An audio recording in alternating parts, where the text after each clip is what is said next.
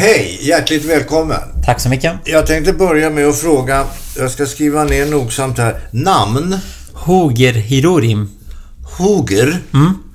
Hoger, ja det hörde ju inte till de vanligare namnen, men jag skriver det här i alla fall. Hoger jag, alltså. Ja, jag kan sen berätta varför jag heter Hoger, kanske. Ja. Varför heter man Hoger? Nej, det, det betyder kamratvän på svenska. Okej. Och min pappa var en som kämpade för ett självständigt Kurdistan när jag, innan jag föddes. Okej. Så han var ju dömd till döden eftersom han var kurd och gjorde det. Och bakom gallarna så döpte pappa mig, eller gav mig namnet Hoger och hoppades på att kurderna skulle ha vänner i framtiden, kanske när de inte hade det då. Ja, det var ju vackert. Det var en vacker tanke. ja. Okej, hur gammal är du? Jag är 37 år gammal. Jobb, yrke? Uh, jobbar i mediebranschen, dokumentärfilmare, Okej. Och du bor nu? i Solna. Solna, jaha. Och är aktuell med? The Deminer, en dokumentärfilm som går på biografer just nu i Sverige. Eh, vad, vad ska man säga att det heter på svenska? På svenska heter den också The Deminer, men översättningen blir Minröjare. Minröjare blir det. Ja. Exakt. Just det. Du, eh, var kommer du ifrån? Jag kommer ju från eh, eh, en stad som heter Dohuk i irakiska Kurdistan. Det är där jag är född. Eh, 1980. Okej. Vad vad vad vad tillhör den staden nu? Vad, till, vad, vad har du för landstillhörighet? Irakiska Kurdistan. Regionen. Irak alltså? Den, den, den, den kan kallas även för norra Irak, men den heter ju irakiska Kurdistan även i Irak. Okej. Ja. Och- Men det är ni inte nöjda med va? Nej. Nej. Jag har förstått. Jag har förstått det. Vi återkommer till det. Du, eh, hur var din uppväxt? Nej men jag... I Kurdistan, i, i, i irakiska Kurdistan? Jag föddes som jag sa att... Eh, och, och medan pappa var dömd till döden. Och senare så befriade de alla eh, politiska fångar för att skicka dem till eh, Iran-Irak-kriget under 80-talet. Och pappa var en av dem som, som, som, som, som togs till det här kriget och sen... Eh, sen flydde han därifrån och då blev han peshmerga igen. Och sen var min mamma och mina farbröder tvungna att eh, ta oss från ena stället till det andra. Där de kallade att vi skulle... De sa till oss barnen att vi skulle bara hälsa på några... Några släkt eller några vänner. Men ehm, när vi blev lite äldre då förstod vi att det var inte att hälsa på på familjen eller släkten eller några vänner utan det var att vi flydde hela tiden från irakiska regimen under den Okej. tiden. Eh, Så jag är uppväxt eh, med att fly hela tiden med familjen för att, för att kunna leva. Så du har varit på flykt hela första delen av ditt liv? Kanske hela första 11 åren av, av mitt liv har vi flytt ganska många gånger. Och sen då? Sen kom du till Sverige? Jag kom till Sverige när jag var 19 år gammal. Eh, 19? Ja. Okej. Då var jag en ung pojke, fin, vacker, snygg. eh, älskade musik och eh, hade massa drömmar. Och så kom jag till Sverige december 99, några, några dagar innan jul. Men du, när du var liten pojk då och på flykt, vad hade ni för, vad sysslade ni med? Vad hade ni för leksaker? Alltså under, under de här första 11 åren i Kurdistan så fanns det inte så många leksaker som vi kunde köpa i butikerna. Så man tillverkade sina egna leksaker. Allt från att bolla... Så här, om man skulle spela fotboll så var det ofta så här av strumpor man fixade en, en boll. Eller så var det... Ja men om man skulle göra något annat så, så var det så här bildäck som man kunde göra det till någonting eller cykeldäck som man skulle ta av gummin och, och köra det med, med någon pinne. Så det var ju lite mer så att man hittade på saker och det tyckte jag... Jag saknade det där lite att man var ju väldigt... Eh, man... På det sättet så kunde man hitta på nya saker hela tiden. Man, det var inte så att man bara köpte och, och lekte med en grej och sen slängde det och sen köpte, köpte föräldrarna en ny grej till att man hade så en låda med massa leksaker. Utan det man hade var väldigt... Eh, Ja, det, och det där att rulla tunnband sådär, Ja. det gjorde ju jag också. när jag var liten. Hur gammal, eller vilket Ja, men det var ju sedan. Jag är dubbelt så gammal som du. Eh, så att, eh, ja. Jag kommer ihåg de där grejerna man fick tillverka, eller man fick an... Tillverka behövde man inte heller, utan man använde saker i befintligt skick och så Ja. gjorde man någonting med dem. Ja. Det, var, det var spännande och utvecklande tycker jag. Förmodligen för fantasin och allt vad det nu var. Men du var inte så intresserad av fotboll och sånt eller? Jag spelade lite fotboll när jag var barn. Men, och så var jag lite... um, Jag var en tjockis när jag var barn. Eh, och eh, blev ganska mobbad för det. Alla tyckte att, ja men... Ja, tjockisen behöver man inte gå efter för han kommer inte kunna springa så mycket. Men, men... Men senare så var jag aldrig intresserad av fotboll efter... Av sport överhuvudtaget efter, efter den perioden där jag spelade fotboll. Utan... eh, Jag Men ville nu- bli nu musiker. Helst, hejar du på Dalkurd nu? Ja, men Dalkurd är ju den, det laget som jag hejar på verkligen. Ja, men det är kul. jag har varit på... Jag har varit faktiskt på... eh, sju matcher i Sverige med fotboll. Sex av dem var Dalkurd. Okej. Och det andra var Sverige... Portugal tror jag var det. Kommer inte ihåg vilka det var som spel, Sverige spelade mot för några år sedan. Men annars har det varit bara Dalkurd-matcher som jag har tittat på. Men du, du, du var 19 år, kom till Sverige några dagar före julafton. Ung, vacker pojk som älskade musik. Ja. Va, vad gjorde du utav musiken? Alltså min dröm, min dröm var ju att bli musiker, bli cellist. Det var det jag hade eh, pluggat i även i Kurdistan. Jag gick in på musikskolan på heltid. Eh, och spelade klassisk musik. Och även orient, orientalisk musik, så här, ganska mycket kurdisk. Jag spelade lite andra instrument också, men det var cello som var huvudinstrumenten. Så när jag kom till Sverige så eh, efter eh, sju, åtta månader så fick jag kontakt med en folkhögskola utanför Linköping. Och där kom jag in i skolan men, och köpte en cello för eh, ganska dyrt eh, för mig då. Eh, eh, det var 22 000 kronor ungefär. Jag köpte den för Sen någon vecka senare så var min pappa väldigt sjuk. Eh, Då var jag... Då hade jag inga pengar att åka dit tillbaka till Kurdistan. Jag visste inte om pappa skulle leva eh, något mer. Så jag sålde min cello på Blocket för mindre än halva priset. En väldigt vacker cello, kommer jag ihåg. Och då så- fick du pengar då till då att... fick jag pengar till resan. Sen var jag borta några månader. Och när jag kom tillbaka till Sverige då hade jag inga pengar kvar. Jag var skuldsatt eftersom mina kompisar betalade hyran som jag var tvungen att betala, som jag skulle annars betala själv. Och så, alltså jag hamnade i restaurangbranschen för att betala de här skulderna men det blev ju lite svårt att komma ur den här branschen för att man började tjäna pengar och det var Ja, inte... ja. Och så, så var man kvar där. Sen bestämde jag mig för att flytta från Linköping för att börja allt från början. Eh, stängde av min telefon på fyra månader ungefär. Inga kompisar, inga kontakter. Flyttade till Stockholm. Jobbade på Gröna Lund och eh, samtidigt jobbade på ett annat eh, företag som, som tar in mat och dryck till, till tåg. Okej. Alla de här tåg, eh, precis, som kommer till Sverige. Men du, var, varför blev det Sverige? Varför hamnade du i Sverige? Det blev jag lite tvingad till att göra. För att min... Jag ville ju... Jag ville... Jag ville till Storbritannien, till London, där jag hade en kompis som också var musiker som hade kommit in på, på en musikskola där. Och det var, det var det jag ville göra. Men jag hade en bror som hade bott här några, några år innan. Och när han hjälpte mig lite ekonomiskt, det tog ju tre månader för mig, för mig att komma från, från irakiska Kurdistan till Sverige. Jaha, varför Eh, det? Det var ju lång tid. Eh, Man hade inga pass, man kom hela, hela vägen hit olagligt. eh, Ja, ja. eh, Med smugglare. Man var ju med i alla de här scenerna som man ser idag på TV som folk är väldigt förvånade över. Oj, det här händer nu. Det hände även då och innan också att man var med i en båt som skulle sjunkas eller, eller så var man i en bil där, där det inte gick att andas. var flera som, som kunde dö av det. Mhm. Eller att man var hungrig och sov på gatan när det var väldigt kallt och sådär.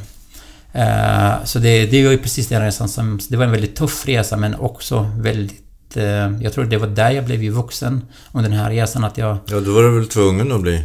jag var tvungen att bli vuxen, jag var tvungen att försöka... Eller överleva helt Ja. enkelt. Eh, och då... Den här resan gjorde jag ensam. Det var ju ännu svårare för att man inte hade någon vuxen med sig. Eller någon äldre som, som man kunde alltid be om hjälp. Som man gjorde i Kurdistan. Jag hade mina föräldrar. Så min eh, bror som var äldre än mig, äldste bror, så han tyckte att jag var för ung. Eh, och eh, han sa att han kommer hjälpa mig ekonomiskt för att jag ska komma lite snabbare hit. Och då var enda kravet att jag skulle komma till Sverige så att han skulle ta hand om mig. Okej. Men sen kom jag till Sverige och eh, efter några år så, så flyttade min bror tillbaka till Kurdistan för att han kände att, eh, eh, att det är där han kan leva ändå Ja, ja. bättre. Och när jag kom till Sverige, då blev faktiskt läget i Kurdistan lite bättre under den perioden. Så det kändes som att det var jag som var problemet i Kurdistan. Okej. Nej, men, men det var ju det var inte lika oroligt då eh, som det var när jag bodde där, efter att jag kom till Sverige. När, när kom du på att det är nog här jag ska bo? Det är i Eh, Sverige jag ska... Men jag tror att jag hade ju mina bästa år ändå kanske de åren när jag gick in på Mediaskolan i Stockholm. Och eh, började ett nytt liv här och kände att nej men jag kan verkligen göra något annat än att jobba i restaurangbranschen. Eh, och träffade... Det var då jag också kom in i mediebranschen. Hade min första svenska kompis efter att jag hade bott i Sverige i, i nio år. Och det kändes som att det blev lite ändringar i, i, i livet, i sättet att leva här i Stockholm. Eh, Jag började träffa, jag träffade min nuvarande fru. Eh, Den perioden så jag blev, jag var så här, ja men jag var kär och eh, gick runt i stan och så här, Kär och galen. Ja, Kär och galen kan man säga. Men ändå också väldigt eh, målmedveten på något sätt också då. Det var då jag kände att men det, det, det är precis här jag vill bo, det är precis här jag kan utvecklas, det är precis här jag kan ha möjligheter. När ungefär är det här? Ni, eh, två- pra- 2000? 7, 8 kan man säga. Okej. Ja. Eh, så... eh, så det var ju de åren som var ju mina bästa år sen, men, men ju mer man kommer in i branschen så blir man mer och mer besviken på att nej, det är inte så lätt. Det är... Jag är fortfarande inte accepterad så som jag är, även om att eh, jag känner att jag gör det mesta rätt. Inte av alla, men kanske av några fortfarande.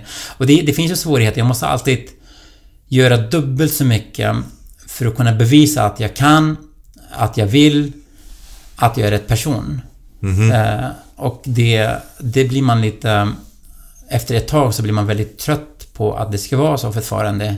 Och det här är 2018 och idag och det är fortfarande så tycker jag ibland. Ja, men är det inte...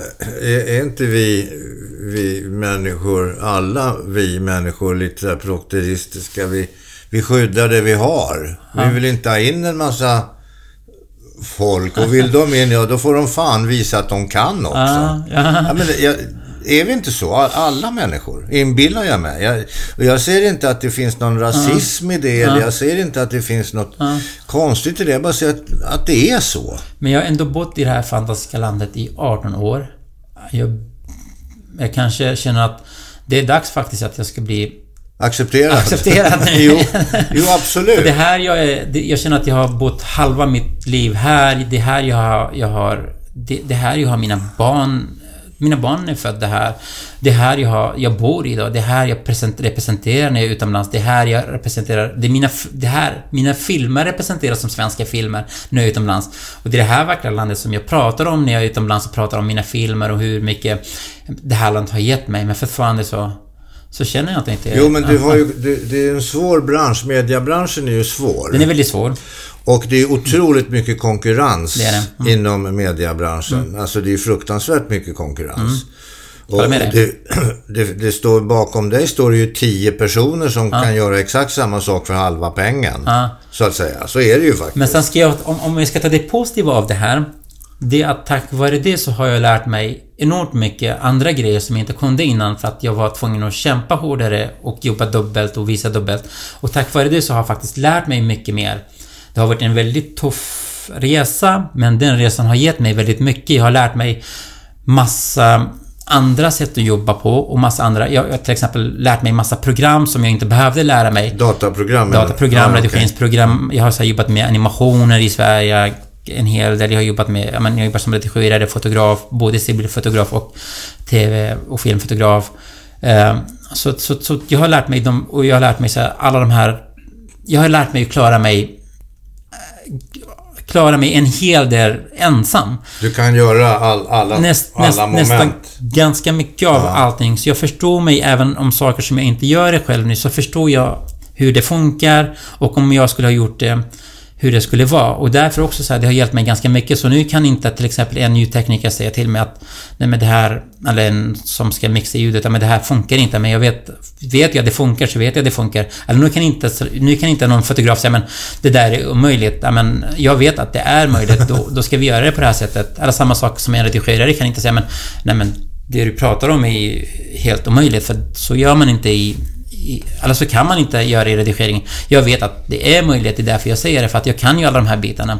Så det är det goda i det, i det onda kan man säga också, att man har lärt sig så mycket eh, tack vare det.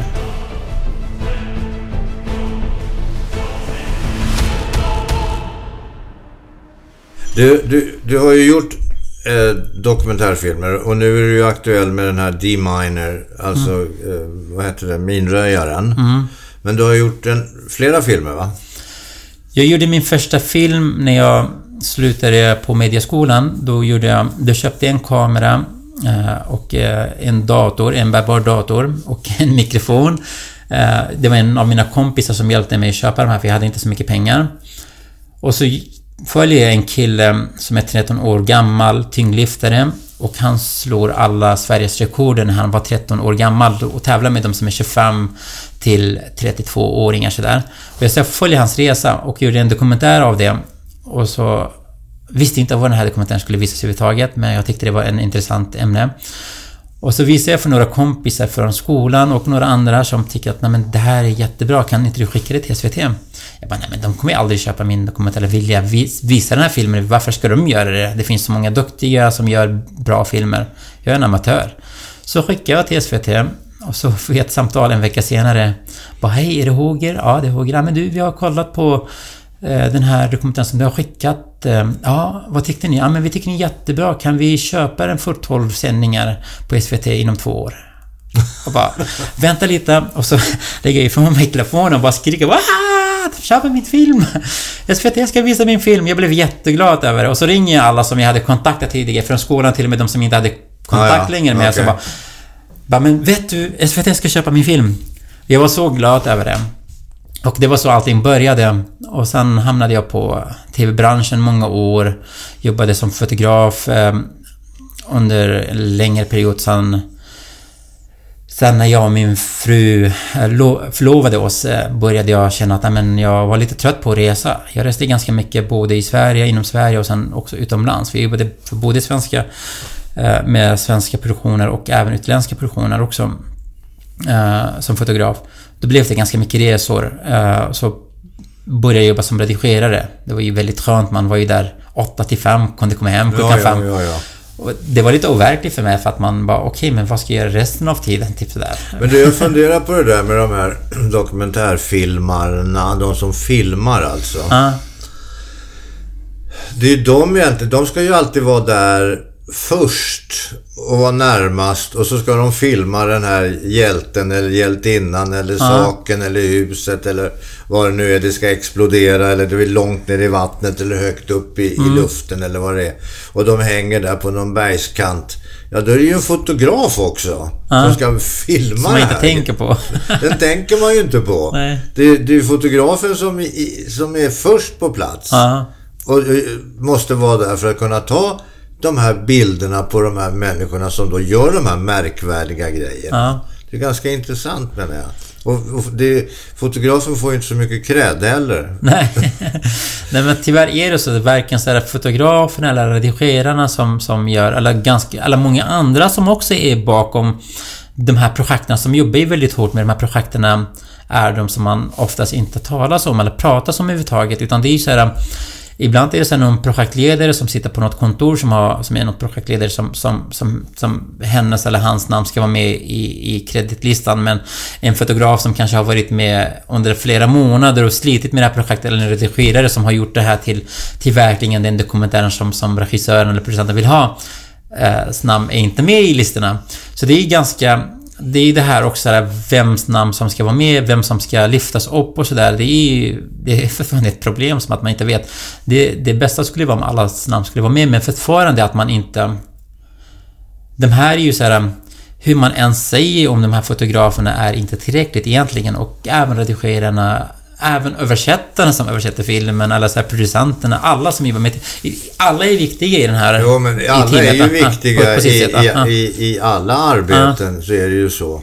Att, att alla är väldigt viktiga faktiskt. Men all, alla får inte plats. Det, Nej. det, det är de, som, som vanligt är det ja. de som har satsat pengarna. Det är ju det.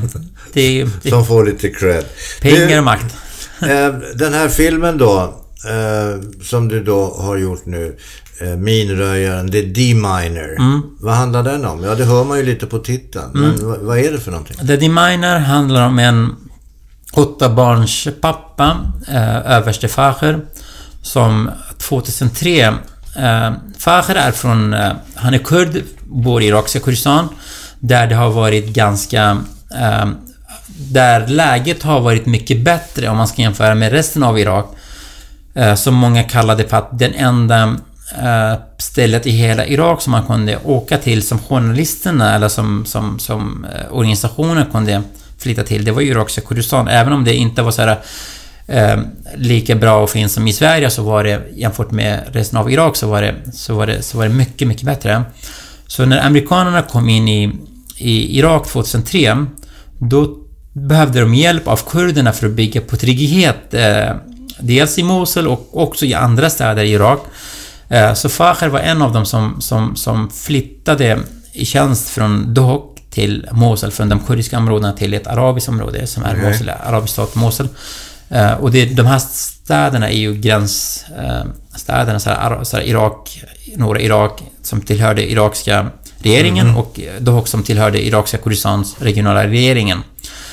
Så de tar ju Facher och eh, eh, Eh, många andra till, till Mosul eh, för att bygga på tryggheten där och eh, Facher och första dagen kommer de fram till Mosul så, så, så sker en explosion mitt framför dem, framför bilen eh, och så ser de hur många barn och kvinnor som, som, som blev eh, eh som dödades av den här explosionen.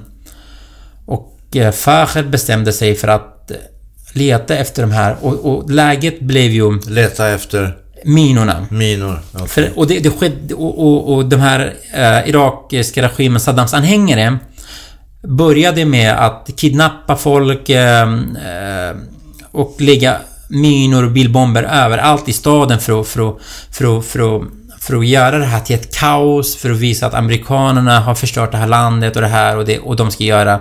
Nu ska de få till. Alltså okay. nu, ska de, nu ska de visa att, det, att de inte är välkomna hit till, till Mosul. Så det blev ju väldigt oroligt i, i, i Mosul. Eh, och Fachel bestämde sig då för att, för att börja leta efter de här minorna och röja de här minorna.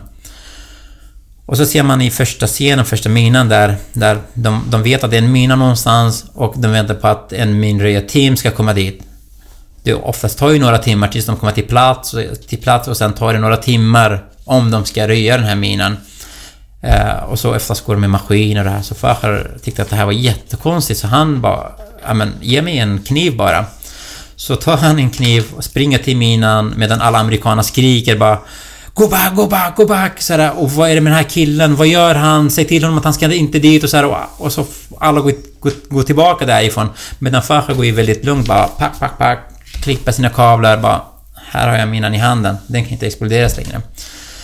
Så det var så det började. Därför att han visste hur en mina fungerar? Han visste hur mina fungerar och också, också så här att det är ju, handlar ju om att få kablar och man ska veta vart man ska klippa bara. Det är det det handlade om. Men också det här, det här med minorna blev ju bara svårare och svårare för de var ju kopplade, även den minan var kopplad till en mobiltelefon som Fahar inte visste om från början innan han spring, sprang till, till minan. Så de kunde ju ringa till de här minorna och när de ringer till minorna så kan signalet orsaka till att, eh, att eh, minan exploderas. precis. Ja, ja. Och har man tur så ska den här signalet inte gå till, till, till utlösaren som ska explodera minan. Har man otur så, så, så går det alltid rätt till och så, så exploderas det. Mm. Så han fortsätter att röja mina efter mina. Under, för, under första året i Mosul så lyckades de desarmera mer än 600 minor.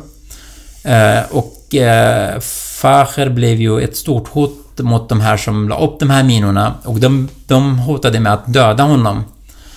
Så han, han och, och därför fick han mer bevakning under de här alla gångerna han ska vara med och röja minorna. Uh, så han Men kunde ju... ingen annan lära sig det? Kunde inte amerikanerna lära sig? Uh, hur man desarmerar minor? Jo, det gjorde de också säkert. Och det gjorde många andra också, men, men, men kanske inte lika lätt som Facher kunde göra. Okay. Och kanske inte lika vågat som Facher kunde göra för att eh, i filmen så ser man så att man tror att så här, åh oh, men gud, så här, han gjorde det så lätt, det kan jag kanske också göra, men det är egentligen inte så lätt som man tror. Utan det är mycket svårare, men det gäller att ha mod och, och, och veta hur man ska göra.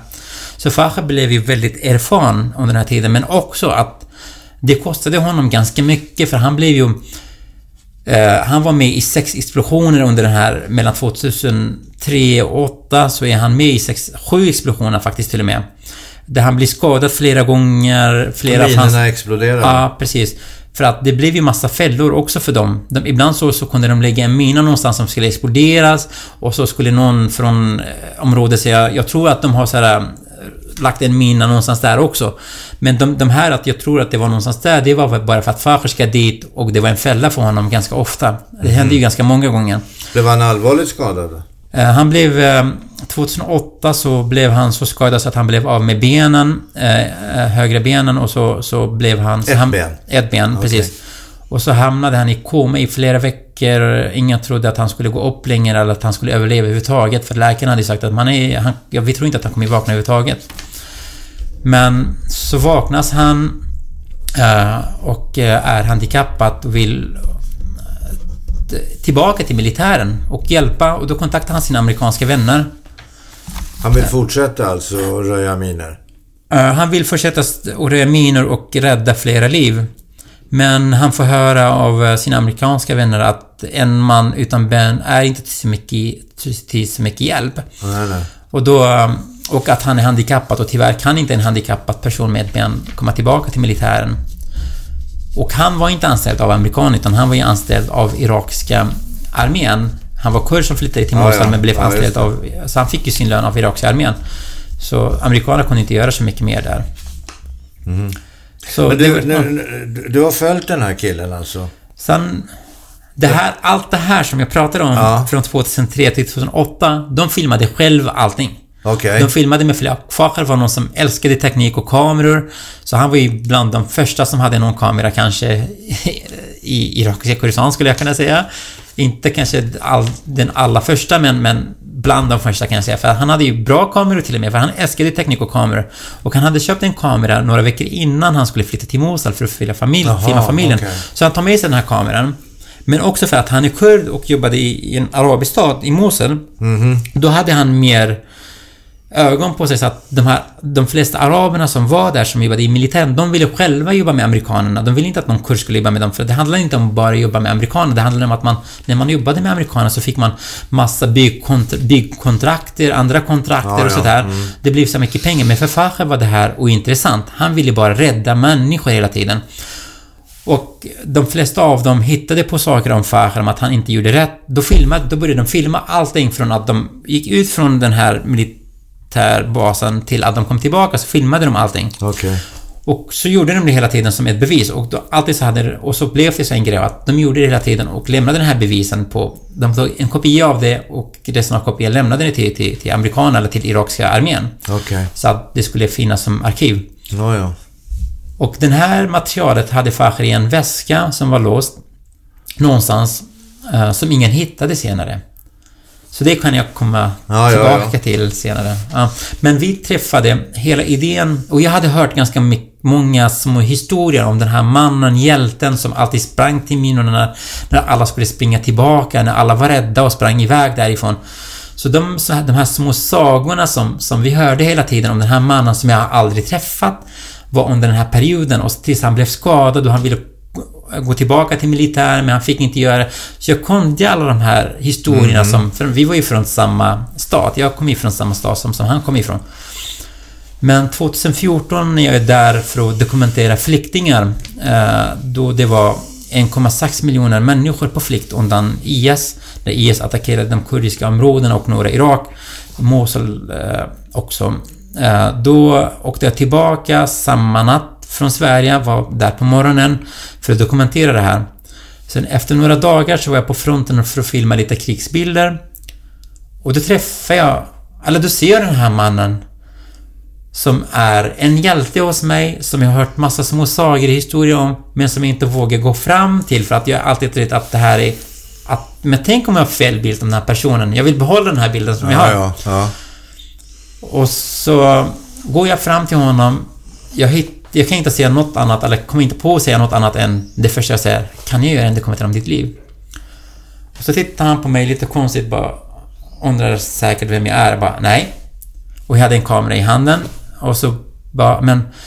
Du, jag har hört så många historier om dig och vad du har gjort tidigare och jag, kommer, jag, jag bor i Sverige och är här för att dokumentera flyktingarna. Och så försöker jag övertyga honom att jag kan göra något bra om honom. Men han säger nej, det här är för farligt. Det kan du absolut inte göra. Mhm. Och speciellt när du har kommit från Sverige hit. Du ska åka hem. Det här är inte din plats nu. Det här är för farligt för dig.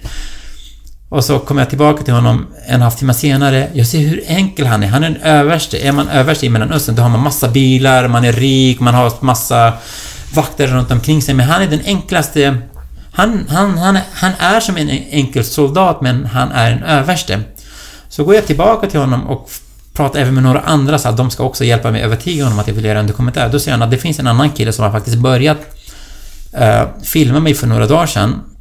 Han heter Shinwar Kamal. Och om du pratar med honom, om han tycker det är okej okay att du också ska göra det, så ska du göra det. Någon av er måste göra det, inte ni båda två, eller så får ni göra det här tillsammans. Mhm. Så pratade jag med den här Shinwar eh, som, som om, om, om jag fick göra det och då sa han direkt nej, det här, är, det här är något som han vill göra. Men han jobbar ju på en lokal kurdisk kanal, så jag visste att hans film, hans idé eh, som han berättar om skulle inte komma ut mer än de här lokala kanalerna kanske visas någonstans där. Så jag övertygade Kino om att det här kunde bli något mycket större. Jag har en, mycket större idé bakom det hela. Jag vet att det ska finnas arkiv som de har själva filmat som jag kan hitta och som, som jag, jag känner ju många andra som har filmat honom som kan ge mig det materialet. Och där kan vi göra en mycket, mycket större film av. Då kör Kino, ja men absolut, glöm inte att skriva mitt namn som fotograf så jag backar ur här. Och då gick jag tillbaka till Shinwa några dagar senare, skrev ett kontrakt med honom. Jag bara, nej, du ska inte vara en fotograf i filmen. Du ska vara, vill du vara fotograf fortfarande, jobba med mig så får du göra det. Men du ska också vara medregissör i filmen. Jag tycker det, för, det förtjänar du. Mhm. Och så blev det. Så blev det en dokumentär om den här mannen som... Hur länge höll ni på? Inte alldeles för länge. Eh, för att uh, allting började 2014, augusti. Och, uh, och mannen som vi följer dör november 2014 i en mina. Han blev eh, dödad till slut av en mina. Han blev dödad av en mina. Men du... va- Men filmen handlar om Det hans liv under 11 år. Det, Ja. det är så filmen är byggt på. Så man ser ju material under 11 år som är, som är som de själva har filmat. Och det är det som gör dokumentären så unik. För att de, när de filmade så har de inte filmat i en dokumentär eller ett program. Utan därför är allting mer äkta och annorlunda jämfört med det man har sett tidigare. Men du, när du befinner dig i den där miljön ute vid, vid fronten som det kallas och minröjningar och... Anna, är du inte rädd? För egen del? när, man, när man är där, eftersom man är någonstans där alla går igenom samma sak, det, det är deras vardag, så blir man som dem. Man är inte rädd längre. Man är inte rädd för döden längre, man är inte rädd för att bli skadad eller att det ska hända någon ens eh, någonting längre. Utan man är som alla andra, speciellt när man har varit där efter några dagar, så blir det så. Man blir en del av samhället och det här är ju... Det, det, det, det är mina hemtrakter, det är min hemstad, det är mitt folk. Så jag blir en del av dem. Men så fort jag kommer tillbaka till Sverige och sen ska börja sätta mig framför redigeringen och börja gå igenom materialet, det är då egentligen det känns det känns mer att man känner sig dels dum i huvudet många gånger, att man också känner sig att man... Att man är... Att man borde inte ha gjort det helt enkelt.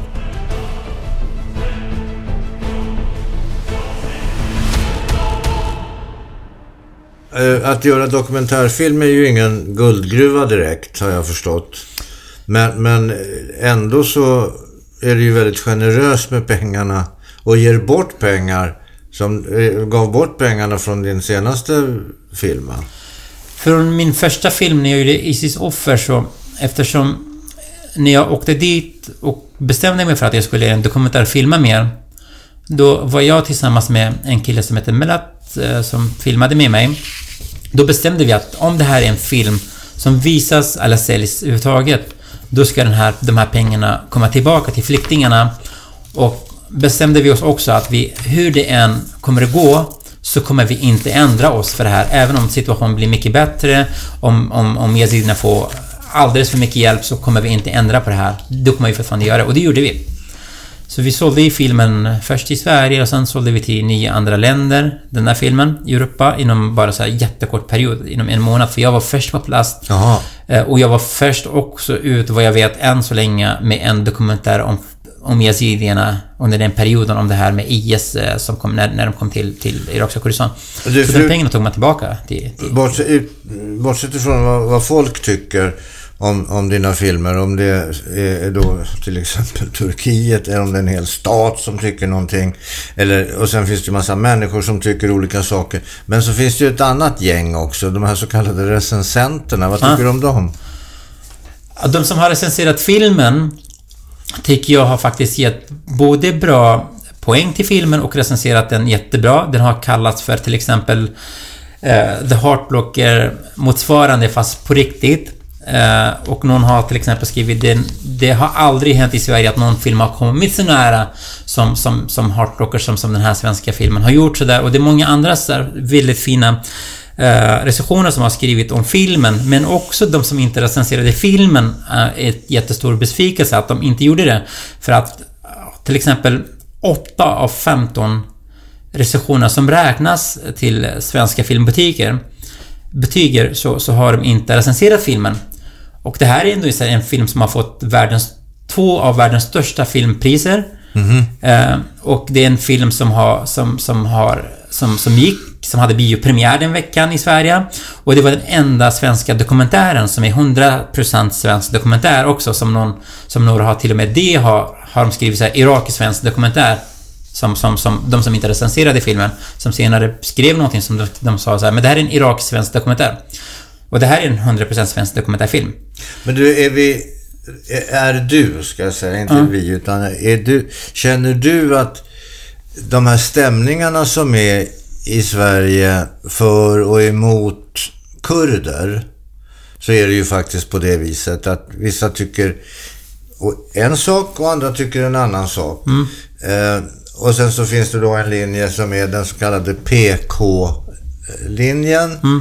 Eh, där man då ska älska allt som är annorlunda, allt som är konstigt, allt som är... Det, är ju- det är ju PK. Vad tycker du att du hamnar med ditt filmmaterial i den här Det- debatten? Det, det, det, det, det, som, det, det, som jag tycker är orättvist i det hela, det här, det här är kultur. Det här är en film, det här är en svensk film. De kunde ha recenserat filmen och sagt att nej men vi tycker inte att det här är en bra film och vi ger en av fem poäng till det här. Så det är det egentligen det handlar om. Det handlar om att när de inte recenserar min film som var den enda svenska dokumentären som hade biopremiär den veckan, som har varit, som har fått två av världens största dokumentärfilmpriser. När de inte recenserar den filmen och när de kommer med, när, när man själva frågar dem om vad var anledningen till att de inte har recenserat filmen så säger någon av dem Vi har en anledning som vi aldrig kommer berätta för er, säger de till distributionsbolaget. Och så bara, men kan du berätta lite av det? Nej, det kommer jag inte berätta. Nu har jag inte tid längre. Och den andra säger så här, Vad tror du att det var då? det, det vet vi inte för att de inte har sagt det. Och den Ja, andra men du säger... måste ju tro något. Alltså jag, jag, jag tycker så här. Jag tycker... Jag känner att jag kan faktiskt inte hitta på något annat än att det här är den dolda rasismen som folk inte är medvetna om. Att det här är precis det det är. Men vem är Håger? Vem är han? Varför ska vi recensera hans film? Hade jag hetat säkert Anders eh, Svensson så skulle inte vara... Så skulle faktiskt recensionerna vara mycket starkare. Det skulle vara... De flesta av de här skulle ha recenserat filmen. Och hade gjort ett Eddie Miner som den här filmen. För det här är ändå en film som har recenserat på jättestora... Ja men det är stora journalister världen runt som har, som har recenserat den här filmen, som har skrivit jättebra om filmen. Varför ska det inte recenseras på produktionslandet som är i Sverige? Av så många... Som 8 av, av 15. Ja, men tror du att det, vi, att det beror på att vi gör politik utav det då? Men det, även om det... De, kunde ha skrivit att det här är, vi tycker det här är en politisk film, vilket det är inte det. vi kunde ha sagt, för jag har gjort den här filmen så opolitiskt så att det, så att det går att göra.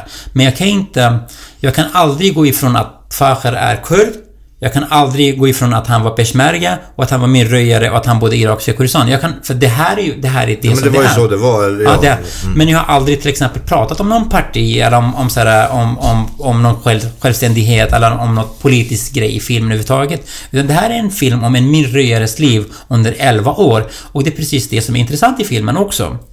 Mm, du tycker man får veta för, för, för lite om den här hjälten?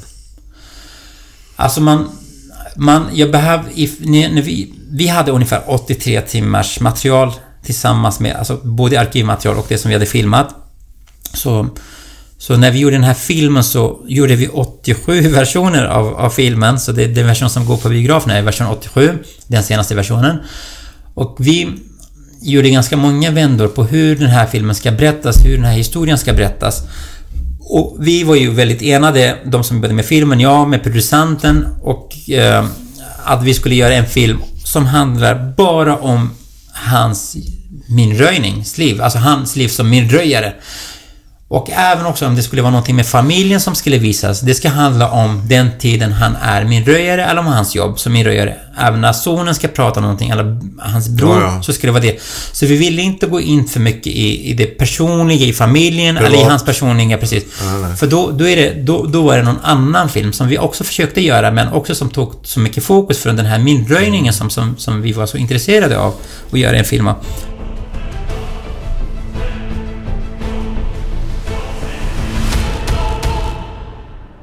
Du, eh, du kommer att visa den här filmen på TV4 va? Eller? På SVT? På SVT, förlåt. Ja. Mm. 4 april.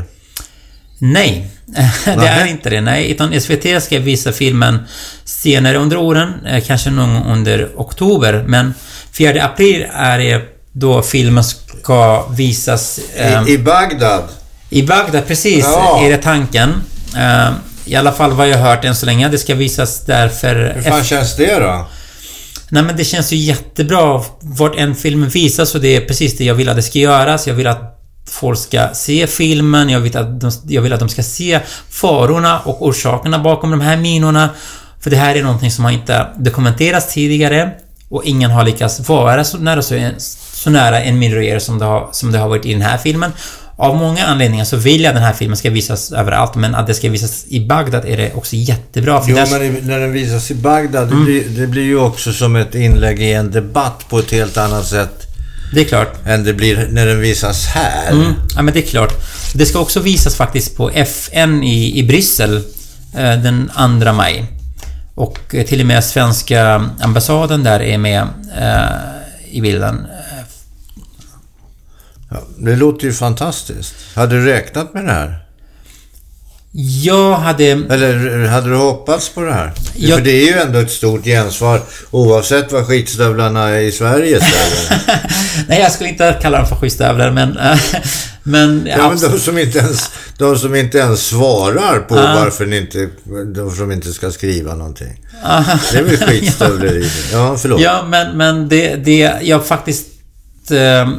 Har trott att det skulle gå bra för filmen ganska länge under processen också. För att jag har känt hela tiden att det här är en väldigt unik film, det här är jättestarka historier eh, och det är material... Materialet i filmen är så unikt att man inte tror att det här är sant så många gånger i filmen. Det här är som en spelfilm, men det är en dokumentär. Eh, så på, på alla de Ja, men jag trodde faktiskt att det ska gå bra, men jag trodde att det skulle gå mycket bättre i Sverige än vad, vad det gick för. Jag tror att det har ju gått bra i Sverige. Den har ju visat på biografer, på SF-biografer och massa andra biografer. Ja, men du vänta nu ett tag. Det, det, den här släpptes nu i år, va? Den, det, vi hade världspremiär i augusti på världens största dokumentärfilmfestival i Amsterdam. Jo, men jag menar i Sverige? I Sverige var det premiär för uh, ungefär tio dagar sedan. Ja. Mm. Så att du har ju fortfarande Guldbaggegalan att se fram emot. ja, ja, men det, det, har, det har man att se fram emot, absolut. ja, sitter du och filar på talet där, tacktalet? Ja, men lite grann kanske det. Ja, men absolut. Nej, men det... Det, det, det, ja, men det, ja, det borde vara... det borde vara faktiskt självklarhet. För att här jag har en känsla av att det är inte, jag tror inte att det är så många filmer som görs i Sverige idag som visas så mycket runt om i världen som kanske just den här filmen som du har gjort. Minröjan. Ja, men det, det, det jag, jag har faktiskt inte koll på alla filmer som har gjorts, hur, hur, det, hur bra det har gått för dem. Men jag vet att The Deminer har ju en jättebra framtid. Det vet jag för att redan nu ser jag på hur många festivaler det ska visas eh, och på andra ställen också som, som vi kommer komma ut med senare som inte är officiellt än.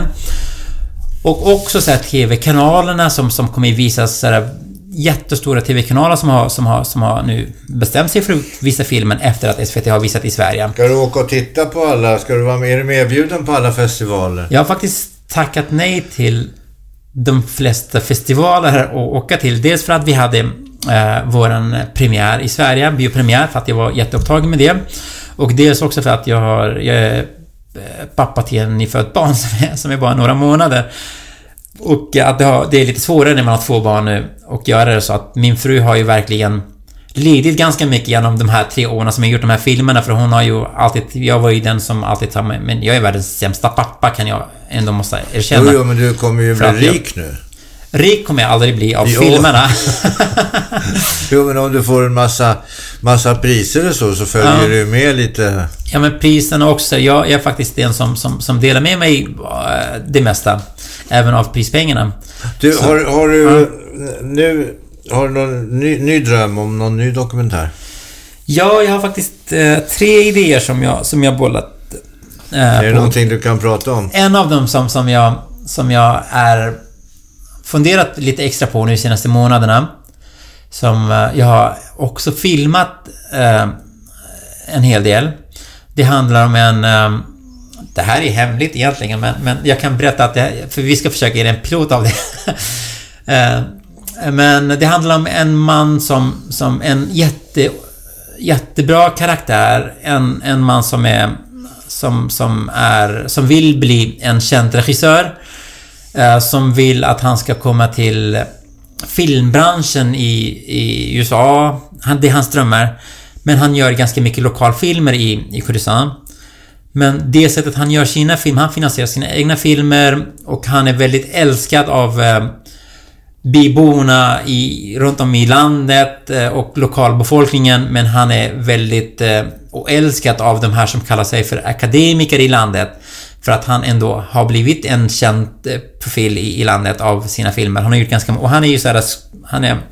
Han är alltid så här huvudkaraktären i filmen, han är regissören, han är fotograf. Han gör ganska mycket saker. Så han kan ställa en kamera och göra... Och, så, och gör han bra saker för han, han tar upp de här sakerna som ingen vågar ta upp i, i landet som är som, som, ja men allt det här med med hedersfrågorna, med kulturfrågorna som han vill ändra på med, med allt annat, fattigdomen i landet och kriget i landet och så här, i sina filmer. Så han har kontaktat bland annat Jackie Chans producent och eh, undrat om han kunde vara med i någon av hans filmer för att han är... Och han är... Han, från början så är han en kung-fu-tränare. Han är en jätteduktig kung-fu-tränare. Så han vill bli sådär den nya Van Damme eller, eller Bruce Lee Ja, eller... men å andra ja. sidan, det är så här. Ja. Det är så här. Det är bättre att vara en stor fisk i en liten sjö Ja. än en liten fisk i en stor sjö. Så, absolut, och det, det, och det är den filmen jag vill göra för han gör det allting som en stor produktionsbolag i USA gör för sina filmer vad det gäller till exempel planeringarna och eh, även senare copyright och allt annat men han gör det på sitt sätt av den här små medlen som han har med sig. Du, avslutningsvis här. Är det, är det något du vill fråga mig om? Eh, varför ville du intervjua mig om den här filmen? Ja, det är intressant. Nej, därför att jag, eftersom jag själv håller på mycket med film, jag har Ja. gjort lite dokumentärer själv. Två dokumentärer om bland annat Christer Pettersson. Eh, och eftersom jag har filmat rätt mycket, varit skådespelare i filmer och sådär. Mm. Och gjort otroligt mycket, kan man säga, sketcher. Ja. Men väldigt dokumentära sketcher. Jag har bara klivit in i, i, i sammanhang och gjort saker. Så jag tycker den genren, Ja. den här dokumentära genren, jag tycker den är så intressant. Ja. Spännande. Och därför så tyckte jag det var kul att få prata med dig. Jag har faktiskt en till fråga. Okej. Skulle du recensera min film om du var en... Om du jobbade på en av de här stortidningarna som inte har recenserat min film. Om du hade sett The Miner som skulle ha biopremiär den veckan och ändrade kommentaren. Om jag skulle recensera, Om du var en av dem som skulle... Som, som hade det jobbet. Det, det skulle jag. Det skulle du göra. Det skulle jag göra. För att det dokumentära materialet Ja. är bra mycket mera intressant än det fiktiva materialet. Tycker jag. Ja. Och idag så anser jag att vi och då ungdomar kan för lite, inte om historien som var, den kan de ingenting om. Men de kan ju inte ens om sin egen historia som utspelar sig runt omkring dem idag. Och där fyller den här typen utav filmer väldigt stor eh, tar en väldigt stor plats, tycker jag. Men istället så sitter de ju och, och, och leker krigsspel och skjuter varann på, på Playstation och så vidare. Och, och jag tycker det är värdelöst. Jag tycker det, det som du gör, är, det är ju viktigt. Det tycker jag. Det tycker jag med. Ja, det förstår jag. Hoppas du lyckas. Tack så mycket. Tack.